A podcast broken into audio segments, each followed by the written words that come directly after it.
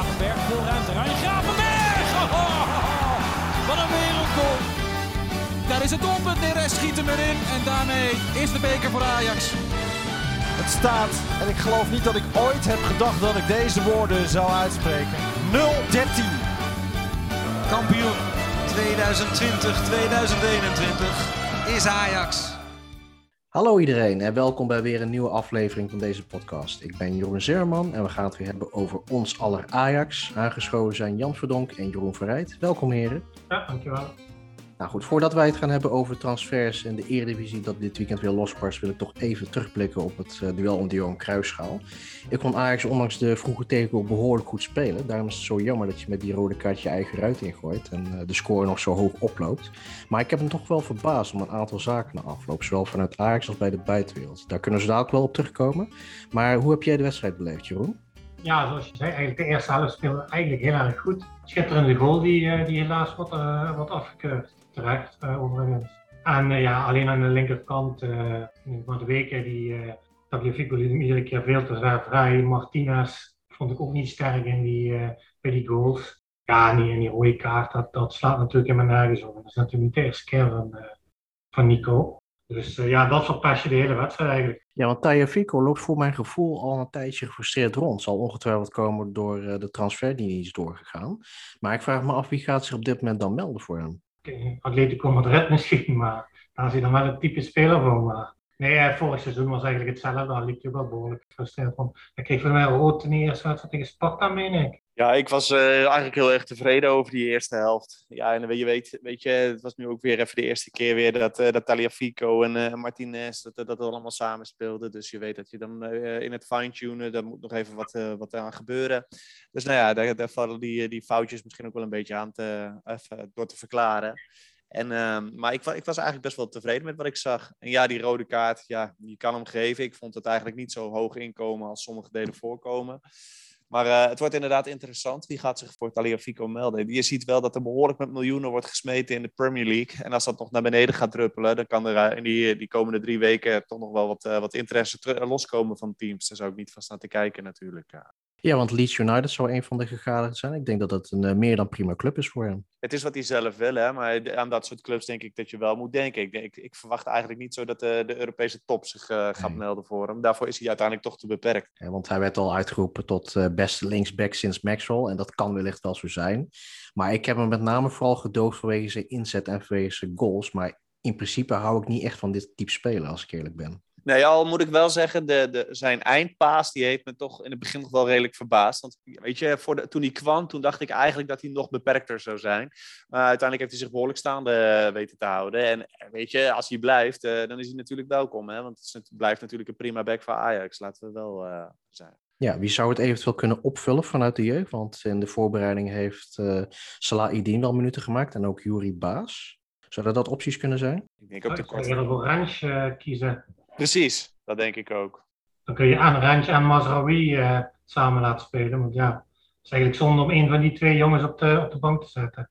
Maar de grote vraag wordt denk ik, waar komt, uh, komt Daily Blind terecht? Hè? Want als, stel dat ze Alvarez uh, willen gaan, gaan gebruiken, dan, dan zal Blind, ja, daar zal je daarmee mee moeten gaan schuiven. Gaat het dan ten koste van Martinez of, of gaat hij misschien toch als linksback spelen? Dat wordt interessant om te gaan zien. Ja, ben ik heel benieuwd naar. Hij kan het niet maken eigenlijk om Martinez dan voor de derde keer te passeren. Maar goed, het is mij opgevallen hoe weinig krediet Ajax heeft na het uh, succesvolle vorige seizoen. Want ja, die 0-4, dat is inderdaad wel een afstraffing op papier. Maar heel veel mensen hebben PSV wel uitgeroepen tot kandidaat nummer 1. Dat gaat mij nogal ver na één wedstrijd. Ja, dat is wel heel uh, opportunistisch. Ik had uh, wel al verwacht dat het spannend zou worden tussen Ajax en PSV voor de titel. Dat heb ik vorige week ook gezegd. Maar ik ga nu niet na die ene wedstrijd denken van oh, PSV is de grote favoriet. Dat is voor mij nog altijd Ajax. Ja, wat mij betreft wordt het verschil in de loop van het seizoen gemaakt. Want Ajax is de enige ploeg met een selectie dat redelijk is ingericht op een dubbel programma.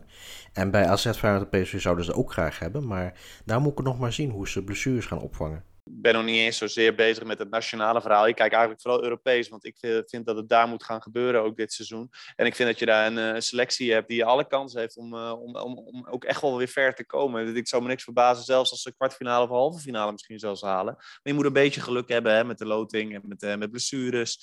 En dan, dan zit er echt wel weer zo'n topseizoen in, denk ik. Zeker als er nog, nog iemand bij zou kunnen komen. Dan ja hoor, er zit er genoeg kwaliteit in de selectie. Ik denk dat het inderdaad heel erg afhankelijk is van de loting. Want ja, pot 2 is dit jaar op papier absurd sterk. Eh, sterker dan pot 1, naar mijn mening. Heeft wel als voordeel dat je ook in pot 1 een paar mindere goden hebt. Zoals Villarreal en Lille. Nou, die kunnen we prima hebben.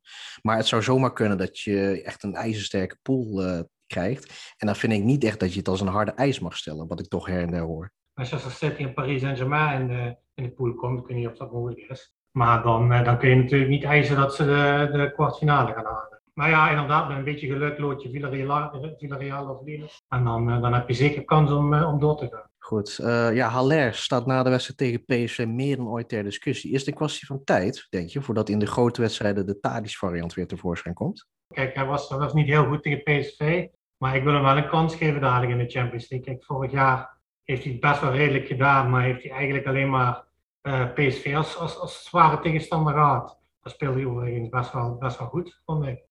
Dus, uh, en al om te be, uh, beoordelen op, uh, op deze ene wedstrijd, vind ik wat te ver. Maar er wordt sowieso veel te veel verwacht van een Ajax-spits, vind ik, bij de supporters. Um, ja, en kijk, een Tadic is natuurlijk een heel andere type spits dan Haller, die kun je niet vergelijken. Ja, Haller wordt met name verweten dat hij weinig duels wint. Dat was inderdaad afgelopen weekend niet best, maar volgens mij valt het qua cijfers wel mee. Maar je hoopt natuurlijk wel dat een spits van Ajax een, uh, ja, zijn inbreng heeft met het, uh, het doorpassen en dergelijke, het meevoetballen. En dan valt het inderdaad wel wat tegen. Maar ja, zijn statistieken maken nog steeds wel goed. Ja, absoluut. Weet je, eigenlijk laat hij. Eh, ik, bij Utrecht twijfelde ik al. Er waren toen ook al wel mensen die pleiten voor zijn komst. Maar ik, ik was toen nog een beetje sceptisch. En eigenlijk is, zie je nu nog weer steeds dezelfde dingetjes als toen. Dat hij toch wat, hè, wat uh, zijn motoriek, die heeft hij wat tegen. Waardoor als het even uh, tegen zit, dan, dan oogt het ook meteen verschrikkelijk. En dan ga je heel snel aan hem ergeren. Hij heeft gewoon net niet die, die snelle voetjes die je misschien wilt zien bij een, bij een nummer 9. Maar hij heeft wel zijn momenten waarop hij het wel laat zien. Hè? Want hij heeft, ook wel, hij, heeft, hij heeft wel van die aanvallen waarin hij wel um, ja, meedoet, zeg maar, op, op het niveau waar hij zou moeten zijn. Maar ja, hij doet dat niet de hele wedstrijd. En dan kun je af en toe gigantisch aan hem ergeren. En die, die Tadic-variant gaat absoluut uh, gespeeld worden als er uh, nog een, een, een nieuwe uh, linksbuiten bij zou komen. Want als Bergwijn erbij zou komen, ik zeg maar wat, dan, dan denk ik dat, dat Tadic regelmatig in de spits zal verschijnen. Zou het ook een optie kunnen zijn om Bergwijn als diepe spits erin te gooien als we bijvoorbeeld met de rug tegen de muur staan? Ja, ik weet je, Ten Haag houdt ervan, hè, van uh, mensen die op verschillende plekken um, inzetbaar zijn. Dus ik denk dat, ik sluit zeker niet uit dat hij, dat hij zo'n zo variant zal uitproberen. Maar in eerste instantie denk ik dat Haller en Tadic de mensen zijn die hij uh, voor ogen heeft. Haller heeft zijn eigen lot in handen, hè? alleen hij kan zo'n Tadic variant voorkomen. Dat vind ik wel echt zo bij, bij Haller. Weet je, als je onder druk staat, is het wel een ideale jongen om, om die bal naartoe te peren. Hè? Want hij is natuurlijk groot en sterk en hij kan die bal best wel vasthouden. Dus uh, dan, dan, dan is het wel heel fijn als je zo'n type spits hebt rondlopen. Dat hebben we toch al een tijdje niet gehad, een, uh, zo'n type spits. En ik denk dat Haller zeker zijn goals mee gaat pakken en dat hij gewoon een prima seizoen gaat, uh, gaat spelen. En dat inderdaad Tadic af en toe wellicht de spits induikt. Een PSV-kennis van mij, die was aanwezig in het stadion en die vond de sfeer echt bizar. En ik zal het maar opvatten als een compliment in ieder geval, want ja, we bleven inderdaad maar doorzingen, zelfs na de 0-4. Dat is wel eens anders geweest. Maar het voedde ook een beetje de tendens, wat ik vaak hoor, dat de Johan Cruijffschaal een veel de oefenwedstrijd is. En ik wil eigenlijk van uh, dat stigma af, eerlijk gezegd. Ik vind het echt zo'n waardeloze wedstrijd. Zeg maar echt helemaal niks. Dus die, die 0-4 boeide me ook echt niet. En weet je, het feit dat ze nu zo uh, uit een dak gingen, had er ook mee te maken dat natuurlijk een hele poos het stadion niet gevuld ja, is geweest. Ja. En, ik, en ik moet zeggen dat ik op een gegeven moment, ik zat te kijken en ik was eigenlijk wel heel tevreden over hoe ze speelden. En ik, toen vroeg ik mezelf af van, weet je, heeft de, de, de sfeer die in het stadion eerst nog invloed op mijn, uh, mijn oordeel? Want uh, het zou kunnen zijn dat je daardoor toch nog net wat positiever uh, bent. Dan, Feel dan good, inderdaad. Ja, dat zou best kunnen. Ja, nee, maar goed, ik vind het vooral onsportief als je de Johan Cruijffschaal als vereelde oefenwedstrijd beschouwt. Want dan gaat dit nog veel vaker voorkomen komende jaren. Want ik heb al eens een keer een zeepert meegemaakt tegen PEC. We hebben zelfs een keer in eigen staan verloren van Feyenoord. Die winnen nooit in Amsterdam. Dus ik vind wat dat betreft, als je echt die veelvraat wil zijn, hè, we spiegelen ons vaak aan clubs als Bayern, dan moet je ook dit soort wedstrijden gewoon ten koste van alles willen winnen. En nu zeg ik niet dat ze hun best niet hebben gedaan, maar ja, Ajax heeft volgens mij de Cruijff al 18 keer gespeeld, 9 keer gewonnen. Dat vind ik geen beste balans. Ja, ik denk ook in, in andere landen is voor, uh, clubs die Supercup ook niet heel erg van belang. Een Bayern München of een, uh, Of Manchester City, die, uh, die geven daar eigenlijk niet zoveel om. Kijk, als er kleinere clubs de beker hebben gewonnen, dan, uh, dan is het voor hen natuurlijk wel een prijs. Dat is in Nederland ook zo. Maar ik denk niet dat dat ooit zal gaan veranderen, dat, dat die Supercup echt een grote prijs wordt. Ik zie de Europese Supercup ook niet eens als, als een grote prijs. Nee, ja, ik zou hem maar al te graag willen spelen hoor. Want dat betekent dat je een van maar de ja, dat prijzen hebt gewonnen. Ja. Nou ja, het eerste blok uh, tot de interlandbreak, dat bestaat uit uh, NEC thuis, Twente uit en Vitesse thuis. Ja, dat gaat wel een hoop camoufleren natuurlijk, hè, voor zover er nog gebreken zit in het spel. Uh, ja, ja, op zich denk ik uh, dat je geluk mag spreken dat je een beetje tegen wat mindere tegenstanders begint. En Vitesse is ook nog niet uh, Vitesse van vorig jaar, dus die kun je misschien ook maar beter nu beginnen van het seizoen treffen. maar ik verwacht eigenlijk wel dat het gewoon negen punten wordt. Ja, ik, ik ook. Ik vind de, waarbij ik wel even wil aantekenen dat ik vind dat Twente wel weer echt wel heel netjes uh, zaken heeft gedaan, moet ik zeggen. Ik bedoel, als jij Flap en uh, Van Wolfswinkel nog een paar leuke buitenspelers haalt, dan doen ze toch weer netjes daar.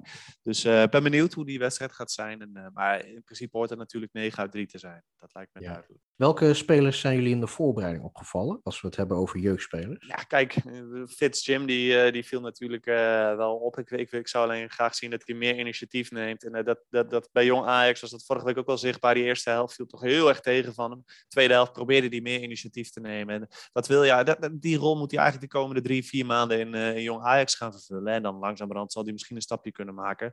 Taylor is me heel erg opgevallen. Ik vond, ik vond hem wel echt wel sterk tegen Anderlecht. Tegen Bayern was hij in de beginfase wel redelijk uh, aanwezig met, uh, met het zoeken van diepte.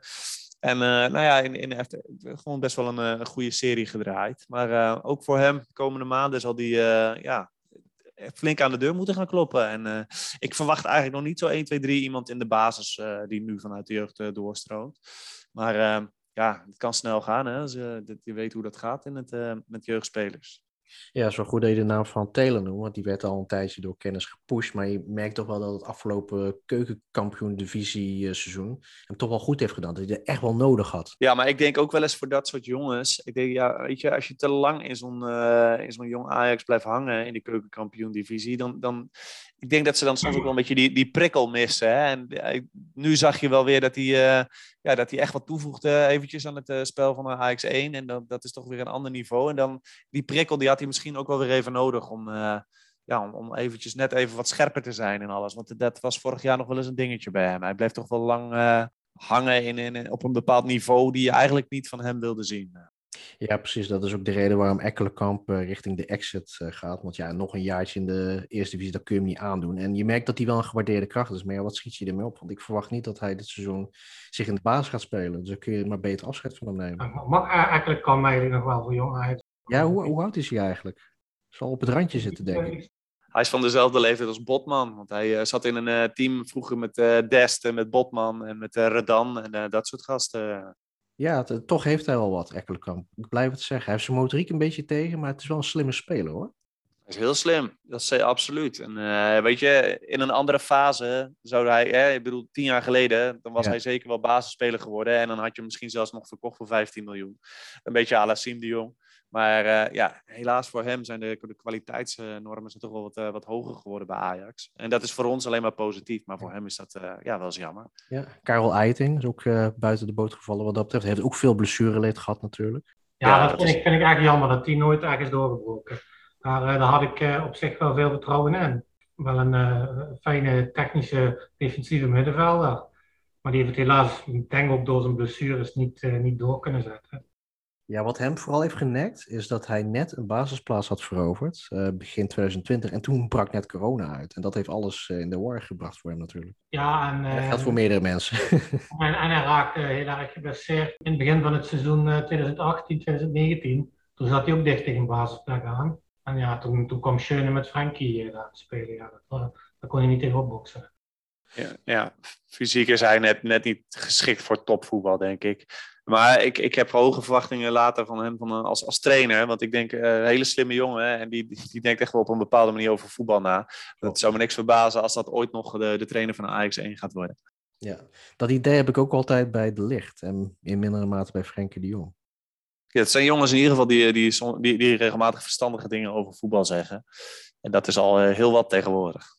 Precies. Zijn er nog dingen die jullie willen aankaarten? Ik ben eigenlijk wel door mijn onderwerp heen. Hey, ik, zit, er, weet je, ik ben heel benieuwd naar PSV. Die, als ze inderdaad nog vijf sp- spelers gaan halen en ze kunnen die, die breedte een beetje versterken, dan, dan kan het een eh, concurrent worden van Ajax. Maar eh, ja, op dit moment eh, zie ik nog niet hoe zij het Ajax 34 wedstrijden lang eh, moeilijk moeten gaan maken. Nee, en het zullen vooral ook diepte-investeringen zijn. Hè? Een beetje vergelijkbaar met die twee jeugdspelers die ze van de week hebben opgepikt. Maar dan eh, voor, voor de bank van het eerste, denk ik. Ik denk nog wel een vervanger van Malen. Ze ze willen Luc de Jong halen. Ik, Daar- ik ben heel benieuwd wie er dan, hoe ze dan gaan spelen als Luc eh, de Jong zou Ja, ik ook. op de bank. En ja, Sahavi, die, die zit denk ik niet graag op de bank.